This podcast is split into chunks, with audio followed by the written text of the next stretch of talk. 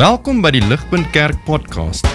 As Ligpunt Gemeente is dit ons begeerte om God te verheerlik deur disippels te wees wat disippels maak en 'n kerk te wees wat kerke plant. Geniet hierdie week se preek.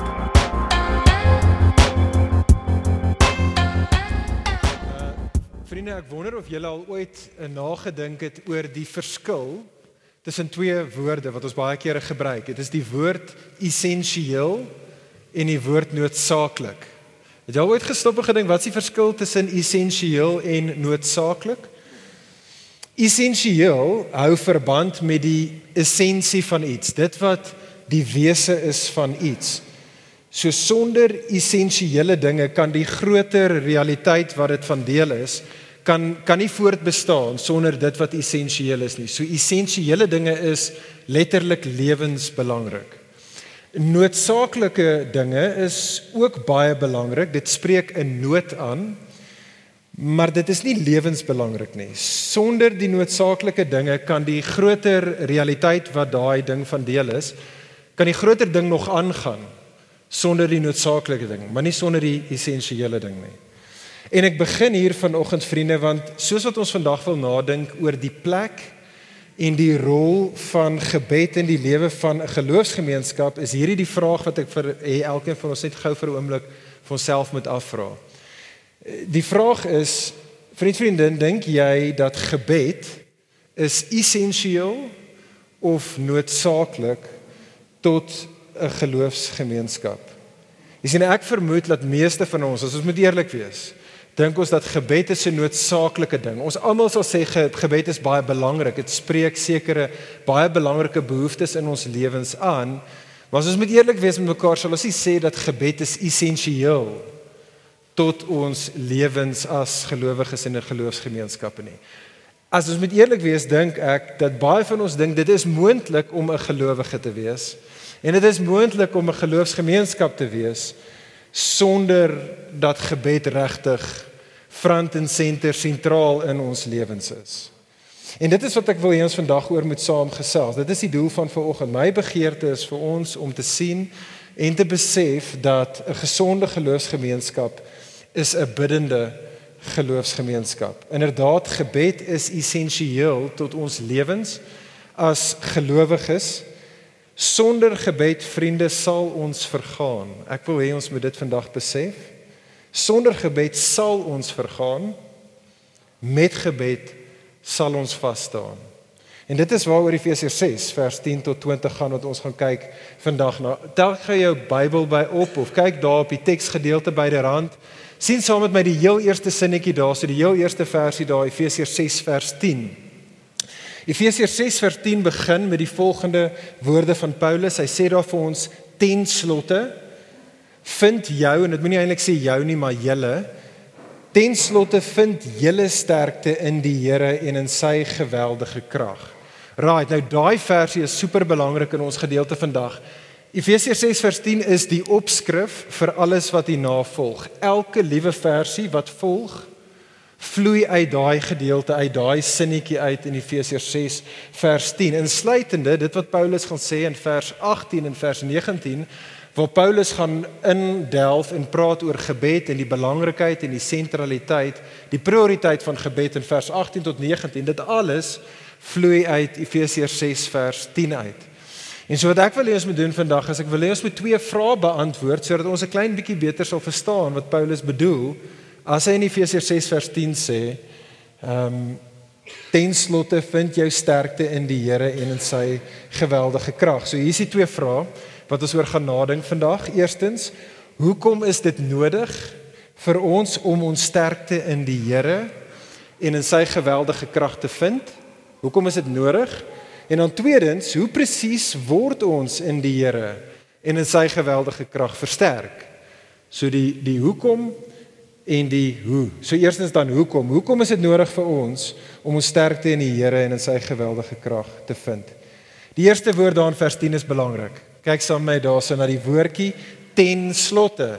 Wat ten slotte vir jou en vir my sê is dat dit wat Paulus nou sê en wat hy nou gaan sê, volg op dit wat hy nou reeds gesê het en hy verwys na daai ten slotte soos dit in die Engels daar is finally verwys na alles wat hy tot en met hierdie punt in die boek van Efesiërs gesê het. So vinnige recap.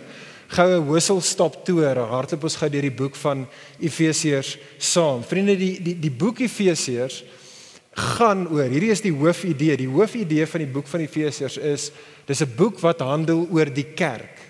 Die kerk is hierdie goddelike instelling. En dit breek in hierdie twee gedeeltes op en in hoofstuk 1 tot 3 van die boek Efesiërs kry ons Paulus se leringe waar hy nou gaan praat oor die glorieryke roeping van die kerk. En so Paulus sê in in, in Efesiërs hoofstuk 1 tot 3 sê hy dat voor die skepping van die wêreld het God besluit dat hy gaan in liefde 'n mense vir homself, sy eie mense maak. En so voor die skepping van die wêreld het God 'n mense gekies en hy het hulle geroep om in verhouding met hom te wees Efesiërs 1. Daai mense het God Efesiërs 2, hulle wat geestelik dood was, het hy deur sy gees lewend kom maak en hy het hulle met sy seun Jesus kom versoen en so hulle met hom verenig en hulle met mekaar verenig Efesiërs 2. Hoekom het hy dit gedoen? Efesiërs hoofstuk 3 sodat hulle Efesiërs 3 vers 10 die kerk, hierdie mense nou versoen in Jesus, verenig met mekaar, nou 'n advertensiebord sal wees, 'n vertoonvenster sal wees van die wysheid van God, nie net vir 'n wêreld wat kyk na hulle nie, maar vir die hemelskare daar buite. Dit is hoekom God die kerk geroep het. Dit is hulle glorieryke roeping, maar dan Efesiërs 4 tot Efesiërs 6 kom Paulus dan by sy toepassing van daai waarheid. Efesiërs 4 vers 1 as jy jou Bybel byderhand het, sal jy dit daar sien. Lees as volg. Paulus sê daarom daarom wandel nou waardig hierdie roeping waarmee jy geroep is. As hierdie is hoekom jy God julle gered het en julle geroep het, wandel nou, lewe nou op 'n manier wat waardig is van dit. Efesiërs 4 moenie wandel sê Paulus soos die goddeloses daar buite nie. Sê hy vir die kerk. Moenie wandel soos hulle wat in selfsug en in liefde vir self heeltyd beklei en mekaar beskinder en besteel nê. Nee, eerder hoofstuk 5 wandel nou soos kinders van God. Wandel soos Jesus. Sê Paulus, wandel Efesiërs 5 met selfopofferende liefde, soos wat julle as die kerk saamkom, wanneer julle saam is, wandel in liefde met mekaar. Maar ook wanneer julle as die kerk versprei is, wandel in liefde mekaar. Mans en vrouens, Efesiërs 5, wandel in liefde met mekaar. Ouers en kinders, wandel in liefde met mekaar.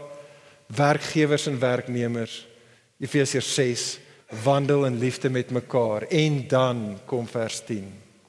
Kyk weer na vers 10. Ten slotte, nadat hy dit alles gesê het tot en met nou, ten slotte, vind jou sterkte in die Here en in sy geweldige krag. Dis belangrik dat ons amper net die draad van van Paulus se punt moet verstaan, want dit help ons om te verstaan dat hierdie opdrag is nie maar net nog 'n opdrag nê, nee, in 'n lang lys van opdragte wat hy voor dit gegee het nê. Nee. Hierdie is meer van 'n tipe van 'n fondasie opdrag. Hierdie opdrag is soos 'n dinamo. So dink aan jy jy's besig om jou tiener ehm uh, kinders of jou tiener seun of dogter te leer om kar te bestuur. Okay, as jy sit langs hulle in die kar en daar's baie opdragte wat jy vir jou kind gaan gee wat nou gaan leer om die kar te bestuur. Jy gaan vir hom sê, sit jou veiligheidsgordel aan, hou die handrem, hier's die klats. Kyk hier is hoe die ratte werk, flikkerlig, stuurwiel. Maar elkeen van daai opdragte, voorveronderstel dat daar was 'n eerste opdrag wat jy vir hom gegee het uh, en, en en en wat hy gehoorsaam het en dit is jy moet die kar aan aan net start. Die engine moet draai. Anders te gaan al die ander goeders of nie kan werk nie of dis net sinneloos. Die hele punt is dat die kar moet eers uh, aangeskakel wees. En en dit is wat Paulus se punt hier is, vriende. Paulus se punt hier is vir ons as die kerk is om te sê dat ons as die kerk ja, ons word geroep om te lewe tot die glorie van God. Ons as die kerk word geroep om al die verskillende maniere God te gehoorsaam. Maar vir dit benodig ons bekragtiging. Vir dit benodig ons bekragtiging. Ons moet ons sterkte, sê Paulus, in die Here en in sy geweldige krag vind sodat ons daai dinge kan doen sodat ons ons roeping kan realiseer. Maar dit is dan nie al nie. Kyk saam met daar weer in vers 10. Vir ons om te verstaan wat vers 10 oor gaan, moet ons nie net terugkyk na die konteks toe nie, ons moet ook na vorentoe kyk en na ons teks toe. OK. Hierdie is Paulus se argument in ons gedeelte. Paulus sê kerk vind julle sterkte in die Here en in sy geweldige krag want soos wat julle strewe om julle glorieryke roeping te realiseer weet dit daar is 'n vyand. Daar is 'n vyand wat julle deurgangs aanval. Daar is 'n vyand wat daarop uit is om julle uit te wis en dit is wat Paulus hierna verwys. Sien saam met my daar vers 11 dit is wat Paulus na verwys as hy sê vers 11 as hy verwys na die listighede van die duiwel of die Engels praat van the schemes of the devil. Dit is waarna Paulus verwys staan vers 12 waar hy in vers 12 aankondig hierdie bekende woorde wat ek dink baie van ons al gehoor het. As hy sê vir ons is die stryd immers nie teen vlees en bloed nie maar teen die owerhede teen die magte teen die wêreldheersers van hierdie duisternis teen die bose geeste in die hemelruim Met ander woorde sê Paulus vir die kerk daar, vir die kerk in Efese en vir ons vandag, hy herinner ons, hy sê Christen besef dit, die Christen lewe is oorlog. Dink Oekraïne teen Rusland. Paulus sê Christen, dit is jou realiteit. Soos wat ons as gelowiges onsself daadwerklik gee. Soos wat ons as die kerk saam staan, saam span om in hierdie wêreld God te verheerlik soos wat ons hom in ons lewens vergestalt weet dit soos wat ons dit doen aan die hemelruim aan die hemelskare sê Paulus is daar ten minste 'n gedeelte van die hemelskare sien jy daar sou hy verwys na die bose geeste in die hemelruim wat God haat. En wat dis die kerk haat en nie wil hê dat die kerk moet vir God vergestalt en so vir God verheerlik nie. So daar's 'n oorlog aan die gang sê Paulus. En so hoor mooi vriende, dit is dan ook die verwantskap of ten minste die begin van die verwantskap tussen hierdie opdrag in Efesiërs 6 vers 10 om jou sterkte in die Here en in sy geweldige krag te vind en Paulus se oproep daar in vers 18 en 19 dat ons as die kerk 'n biddende geloofsgemeenskap moet wees. Hoor mooi. Gebed vriende is die Godgegewe instrument wat die kerk bekragtig om te midde van die geestelike stryd haar glorieryke roeping te realiseer. Ek gaan dit weer sê, gebed is die Godgegewe instrument wat die kerk bekragtig om te midde van die geestelike stryd haar glorieryke roeping te sien realiseer. Kyk saam met op die skerm hier, nou is 'n lang quote. Ek weet nie of hy op een bladsy gaan opkom nie, ons sal hom sien. Maar kyk sal my daar ja uit so wrintie waar ingepas. Lang quote van Piper, maar hier is 'n goeie een. Lees saam met my. Soos wat hy hierdie punt maak. Piper sê until you believe that life is war you cannot know what prayer is for. Prayer is for the accomplishment of a wartime mission. It is as though the field commander Jesus called in the troops, gave them a crucial mission Go and bear fruit, handed each of them a personal transmitter coded to the frequency of the general's headquarters, and said, Comrades, the general has a mission for you. He aims to see it accomplished. And to that end, he has authorized me to give each of you personal access to him through these transmitters. If you stay true to his mission and seek his victory first, he will always be as close as your transmitter to give tactical advice and to send in air cover when you and your comrades need it. Piper gaan aan en hy sê, "But what have, what have millions of Christians done? Well, they have stopped believing that we are in war. No urgency, no watching, no vigilance, no strategic planning, just easy peacetime." and prosperity. And what did they do with the walkie talkie? Well, they tried to rig it up as an intercom in their cushy houses and cabins and boats and cars. Not to call in firepower for conflict with a mortal enemy, but to ask the maid to bring another pillow to the den. So. Waar, so waar is dit nie? Vriende, daar's baie redes, hoor mooi. Daar's baie daar's baie redes hoekom ons as hedendaagse Christene sukkel om gebed in ons lewens individueel en gesamentlik as die kerk te prioritiseer. Daar's baie redes hoekom dit moeilik is vir ons. Maar ek is oortuig dat hierdie spesifieke punt wat Paulus in Efesiërs 6 maak en wat Piper daarbo in sy quote maak, dink ek is een van die hoofredes hoekom ons 'n generasie is van gebedlose Christene. Kan ek ons afvra? Kan ek jou afvra? Vra hierdie vir jouself af soos ons vanoggend hier sit. Vriende, is die rede vir ons gebedlose kristendom moontlik? Is dit moontlik omdat ons ons glorieryke roeping vergeet het? Is dit moontlik omdat ons vergeet het dat ons was totaal en al verlore gewees?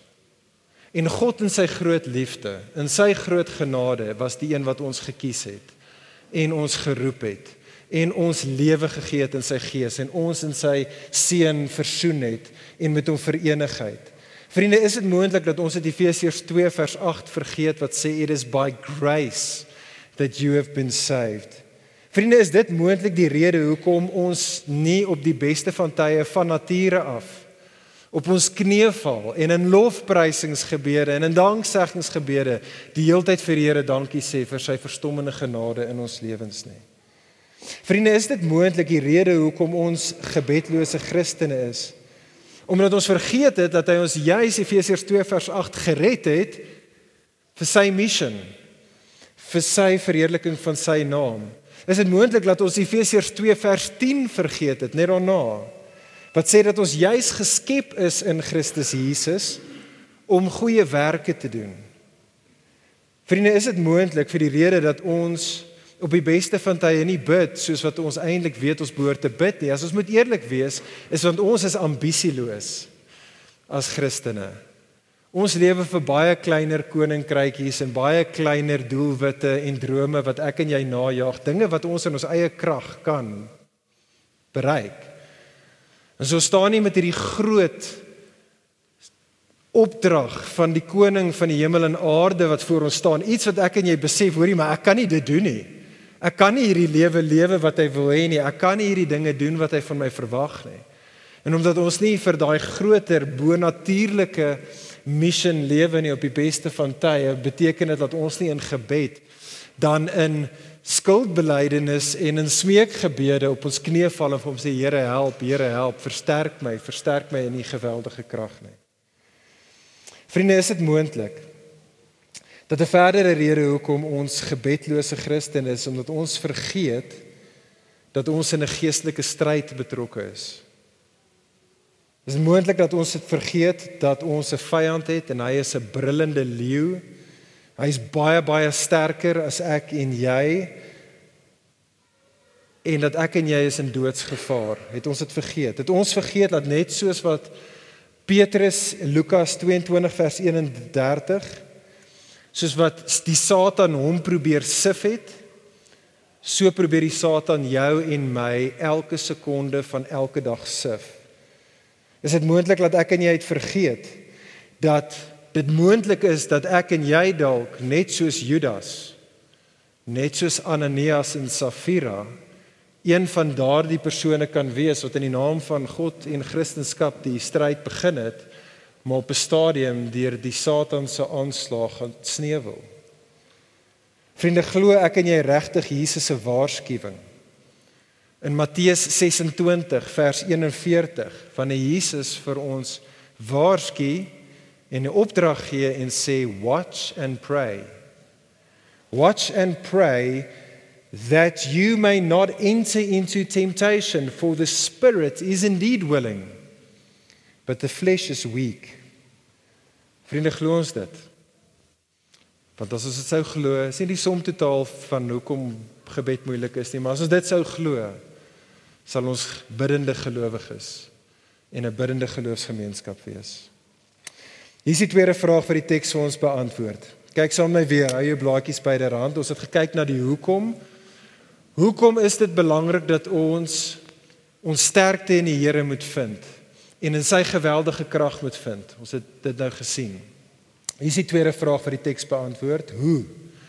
Hoe presies word ons in die Here en in sy geweldige krag versterk? Meer spesifiek, hoe word ons by wyse van gebed? Hoe is dit dat gebed ons kan versterk in die Here en in sy geweldige krag? So kyk weer saam met my daarso Efesiërs 6 vers 10 net na dit wat is die volgende opdrag? Wel vers 11. Paulus sê in vers 11 vir jou en vir my trek die volle wapenrusting van God aan sodat jy staande kan bly teen die listighede van die duiwel. Hy sê presies dieselfde ding weer in vers 13 nadat hy in vers 12 daai bekende vers gegee het. Dan sê hy in vers 13 weer om hierdie rede moet julle die volle wapenrusting van God opneem sodat julle op die dag van onheil weerstand kan bied en nadat julle alles uitgevoer het staande kan bly. En so hy verwys weer na die wapenrusting van God. Wat is die wapenrusting van God? Wel hy spel dit vir ons uit in vers 14 tot 17, maar hier is die ding wat ek wil hê ons moet verstaan. Ek is seker dat meeste van ons het eers al in preke of in dagstukkies wat jy gelees het, het ons al bietjie nagedink oor die wapenrusting van God en waar elkeen van daai wapenrusting goeters half individueel een vir een half bespreek word en op sy eie ehm um, ja, op sy eie bespreek word. En dit is goed. En dit is reg om dit so klein bietjie te dissect op daai manier. Daar's 'n plek daarvoor, maar die gevaar is wanneer ek en jy dit begin doen met die teks dat ons Paulus se groot prentjie punt mis. Die groot punt wat hy maak van die wapenrusting as 'n geheel.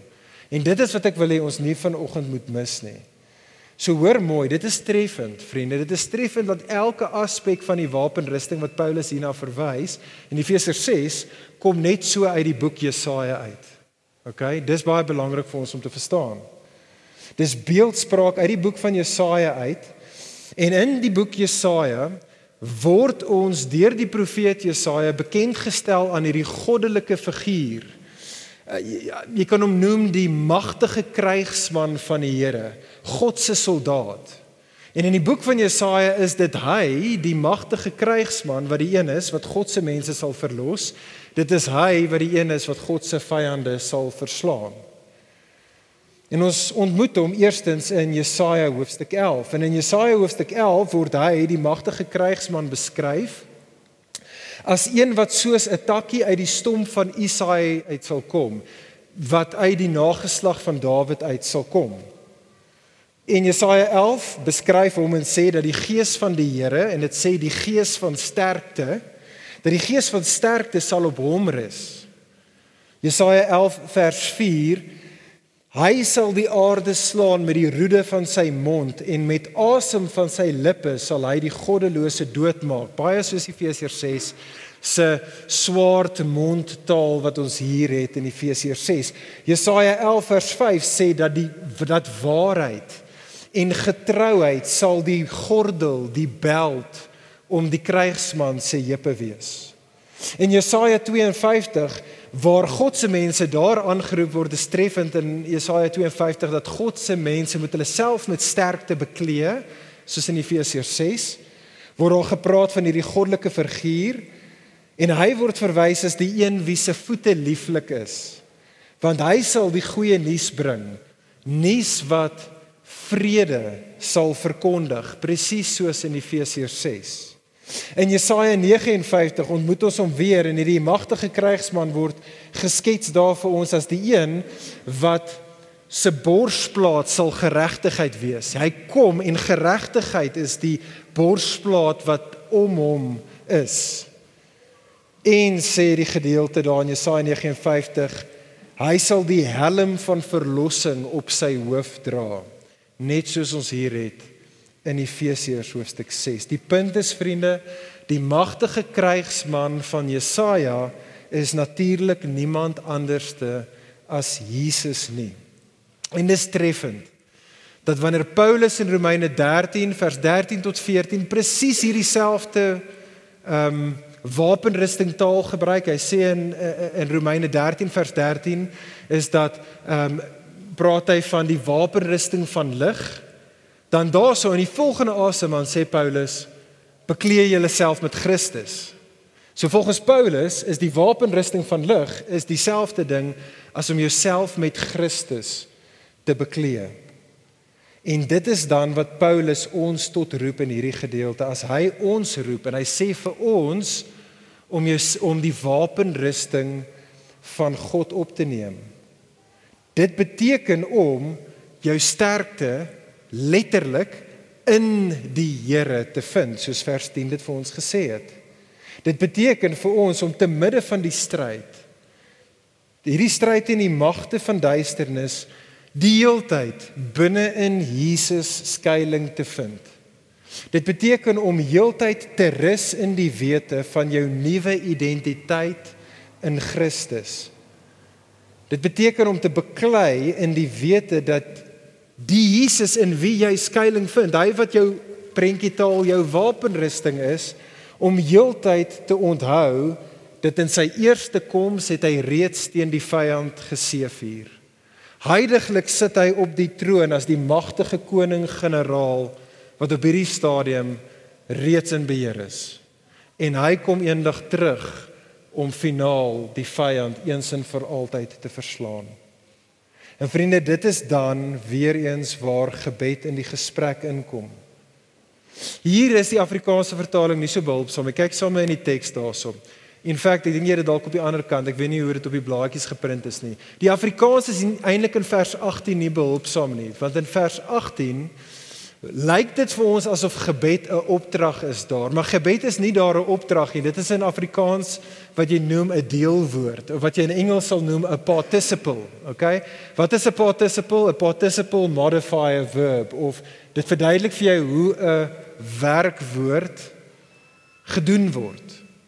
En die woord daar verbid is 'n participle. Wat vir ons sê is dat gebed verduidelik vir ons hoe die wapenrusting aangetrek word. Dis die punt. Die punt wat Paulus sê is dat daar's hierdie wapenrusting, dis Christus. Ons taak om versterk te word is om binne in Christus te wees om te onthou wat hy gedoen het, besig om te doen, gaan doen as die magtige krygsman en die manier wat ons daardie wapenrusting aantrek is by wyse van gebed. Kyk sommer op die skerm. William Cowper, baie van julle sal al sy naam gehoor het. Hy was 'n baie bekende um, hymnwriter. Hy het liedjies geskryf in ek dink 1700s erns, dalk 1800s. En en hoor hoe hy dit stel. So pragtig uit Efesiërs 6 uit. Hy sê vir ons by restraining prayer we cease to fight. Prayer makes the Christian's armor bright. And Satan trembles when he sees the weakest saint upon his knees. En so die vraag vir jou en vir my is hoe speel hierdie waarheid dan uit in ons lewens. Hierdie waarheid dat deur gebed is dit die manier wat ek en jy die stryd teen die Satan voer soos wat ons in Christus wegkruip. Hoe wat beteken dit vir ons in praktyk? Wel drie dinge vinnig vriende. Die eerste ding is dit, vriende, ons het nodig om te begin om duidelik te wees en mekaar te herinner wat is die duiwel se taktik in sy oorlogsvoering? Kan ons asseblief nie daai Christene wees wat totaal en al met Hollywood nonsens dink wanneer ons oor die duiwel dink nie. Dat die manier wat die duiwel teen ons fight is dat hy gaan erns gaan hy soos die boogeyman jou met nagmerries gaan hy jou vang of deur metal bands musiek nie. Alraight? Okay. Die punt is die naam duiwel beteken, die duiwel se naam beteken aanklaer. Sy naam beteken die belediger. Met ander woorde die duiwel beklei by wyse van woorde. Dit is hoekom Jesus in Johannes 8 vers 44 die duiwel beskryf as die vader van leuns. Met ander woorde net soos die slang vir Adam en Eva. Dit is hoe hy daar oorlog gevoer het in die tuin. Wat hy gedoen het is daar is dat uh, hy het vir hulle gelieg so is dit die manier wat die duiwel teen jou en my oorlog voer. Die duiwel vertel vir jou en vir my leuns oor wie God is, oor wie ons is. Hy vertel vir ons leuns oor ons verhouding met God en hy vertel vir ons leuns oor hoe ons die goeie lewe kan bekom. En dit is hoe die duiwel vandag nog sy oorlog voer. En dit is vir hierdie rede dan is dit die manier vir jou en vir my om sterk te staan teen daardie aanslae en hierdie oorlog teen die duiwel is vir ons om die leuns van die Satan te counter met die waarheid van God by wyse van gebed. En so kom ek gee vir ons net 'n paar voorbeelde van hoe dit sou lyk en die en die voorbeelde kan legio wees. Daar's baie baie verskillende maniere, maar kom ek gee net vir ons 'n paar voorbeelde van hoe dit kan lyk vir jou en vir my in praktyk. As jy staan die dag op, jy word wakker en dadelik dadelik fluister die duiwel in jou oor. En die duiwel sê vir jou, hoor hierso, Pel, jy is net te sondig. Jy is net te gebroke. sien, God is nie lief vir jou nie. God is nie lief vir jou nie. Jy's te sondig, jy's te gebroke. Waarop die manier wat jy in daai fight fight is jy val op jou knieë neer in gebed. En jy sê vir God, God, dit is inderdaad hoe ek voel. Dit is hoe ek voel. Maar ek loof en ek prys U dat dit is nie my realiteit nie. Ek is in Jesus. En in Jesus is ek u kind. U is my Vader. Ek is geliefd. Ek is vrygespreek. Ek is 'n nuwe skepping en Vader, ek kies om te lewe in die lig van hierdie realiteit en nie dit wat in my ore vir my gefluister word nie. Jy gaan deur die res van jou dag en die duiwel is nie klaar met jou nie. Die duiwel is voltyds, hy vat nie af nie. En die duiwel fluister in jou oor. Hy sê vir jou: "Kyk, daai kwaad wat daardie ander persoon aan jou gedoen het of wat daardie groep aan jou gedoen het. Dit is tyd om hom of hulle terug te kry. Dit is tyd om kwaad met kwaad te vergeld." Waarop jy op jou knieë neerval in gebed en as jy nie op jou knieë kan neerval nie terwyl jy in die kar ry, terwyl jy stap, wat ook al jy doen, maar waar jy praat met God en jy draai in gebed na God en jy sê Vader, Dit is inderdaad hoe ek voel. Dit is hoe ek voel. Maar in Jesus is dit nie u wysheid vir my nie. In Jesus sien ek en in Jesus sê u vir my vergewe soos jy vergewe is. Oorkom die kwaad met die goeie. En so Vader, ek kies om te lewe in die lig van hierdie realiteit. En die duiwel is nog steeds nie klaar met jou nie. Dis nou eers nog so laatmiddag op daai selfde dag. En hy gaan môre weer begin. En die duiwel fluister in jou oor en hy sê vir jou soek allereers jou eie koninkryk. Meer geld, meer status, meer sekuriteit, meer plesier. Waarop jy in gebed na God toe draai en sê Vader, dit is inderdaad hoe ek voel. Maar lei my tog nie in die versoeking nie. Verlos my van die bose. Ek is in Jesus en Jesus is koning. En so ek lewe vir sy koninkryk. Vader, ek kies om te lewe in die lig van hierdie realiteit. Vriende, kyk saam met my nog na woorde van ook 200 jaar gelede, ou met die naam van Samuel Chadwick. Hy stel dit so goed. Samuel Chadwick sê the one concern of the devil is to keep the saints from praying. He fears nothing from prayerless studies, prayerless work, prayerless religion. He laughs at our toil, he mocks at our wisdom. But he trembles when we pray. En so ligpunt, ligpunt kan ek ons juis in hierdie dan aanspoor. Kom ons wees 'n biddende geloofsgemeenskap. Kom ons wees gelowiges wat gebed as essensieel ag. Tel weer, laaste keer daar as jy 'n blaadjie op in vers 18, weer kyk na die Engels, want die Engels is weer eens hier eintlik 'n bietjie meer behulpsaam. 4 keer, en dit is daar in die oorspronklike teks, soos die Engelse raai het, 4 keer in vers 18 soos wat Paulus oor gebed praat, het ons die herhaling van die woordjie all, alle. Het jy dit daar gesien? Ligpunt kan ek ons roep tot dit. Vers 18. Ligpunt kan ek ons roep om te bid at all times. Kom ons bid wanneer ons as die kerk vergader. Kom ons bid voor ons hier instap in hierdie saal elke Sondagoggend is daar 'n klein groep van mans en vrouens wat daar bo in daai babadkamer bid vir ons samekomste want hulle glo dat ons is in 'n oorlog en dit wat hier gebeur is oorlog en so hulle kom bid. Kan ek jou uitnooi? Kom bid. Die manskappe het jou nodig. Kom bid voor die diens. En as ons dan inkom hierso so saam en ons is hierso saam as God se mense in ons aanbiddingsdiens.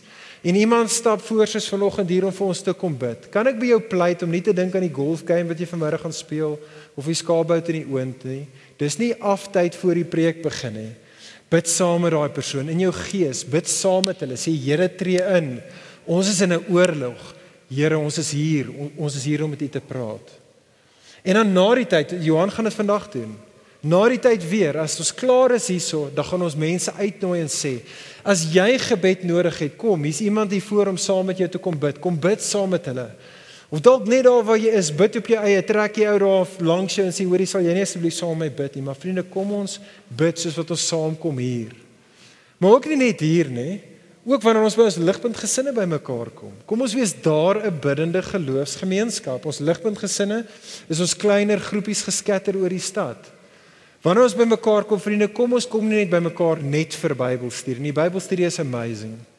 Maar kom ons maak seker en as jou ligpunt gesin leier dit nie doen nie, Hanna en Kerm aan hom of haar tot hulle dit doen, dat ons genoegsame tyd los vir gebed, ten minste 'n halfuur van ons tyd saam behoort gespandeer te word waar ons saam bid in die hand van God wat ons met ons gepraat het, ons wat met hom praat. En ook nie net daar nie, kom ons gaan drink koffie saam met mekaar en ons bid vir mekaar, one to ones en ons bid en dan gaan jy huis toe. En ons maak seker dat ons is 'n mense wat tyd spandeer in gebed. In die oggend as ons dag begin en die aand as ons gaan slaap, bid ons. En as jy getroud is, maak jy seker jy fight nie met jou man of jou vrou nie, maar vir jou huwelik, soos jy en jou man en jou vrou saam bid. En ons bid met ons kinders saam. En ons bid as ons in die kar ry, ons bid as ons in die stort is. Ons bid wanneer ons speel en wanneer ons werk en wanneer ons wandel. We pray at all times, sê Paulus. Tweedens, ligpunt kan ek ons aanspoor, kom ons bid all pray, alle tipes van gebed, nie net shoppinglyste gebede nie. Maar kom ons bid, ons gebruik baie die akroniem hier by ligpunt ACTS, A C T S adoration, confession, thanksgiving, supplication. Kom ons maak seker ons bid lofprysingsgebede aan die Here, dankseggingsgebede aan die Here, skuldbelydenisgebede aan die Here en ja, ook smeekgebede vir ons behoeftes. Derdens ligpunt, kom ons bid sê Paulus vers 18 with all perseverance. Vriende, kom ons bid nie net wanneer ons so voel nie. Dan gaan ons baie min kere bid. Kom ons bid nie net wanneer ons so voel nie, maar wanneer ons juis nie so voel nie. Wanneer ons dit nodig het. Kom ons bid nie net wanneer dit goed gaan nie, maar ook wanneer dit sleg gaan. Kom ons bid nie net wanneer dit sleg gaan nie, maar ook wanneer dit goed gaan. Kom ons bid wanneer ons die Here se hand in ons lewens sien en kom ons bid wanneer ons nie die Here se hand in ons lewens sien nie. En dan laastens ligpunt, kom ons bid, sien julle daar einde vers 18 for all the saints. Kom ons bid nie net vir onsself nie. Kom ons wees 'n geloofsgemeenskap wat vir mekaar bid en wat vir ander bid, veral soos ons ver oggend vir hulle gebid het vir die vervolgde kerk. En so ek sluit af. Ek sluit hiermee af. Vriende, die punt van Efesiërs 6 is dit. As ek dit in negatiewe terme kan stel, is die punt van Efesiërs 6 dit: 'n gebedlose kerk is 'n weerlose kerk wat nie teen die aanslag van die bose sterk sal kan staan nie en wat éventueel tot gronde sal gaan en sal sneuwel. Maar positieflik gestel, 'n biddende kerk is 'n bekragtigde kerk wat te midde van die aanslag van die bose sterk sal staan en hulle roeping sal realiseer. Ligpunt mag dit ons wees, mag ons sulke mense wees soos wat Paulus na verwys het in 2 Korintiërs 10 vers 4 Mag ons gelowiges wees wat saam met Paulus kan sê 2 Korintiërs 10 vers 4 For the weapons of our warfare are not of flesh but of divine power to destroy strongholds. Kom ons bid saam.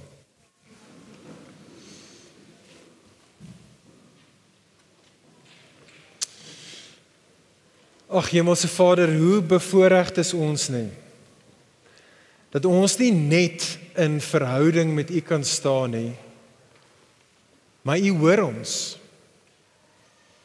U hoor ons.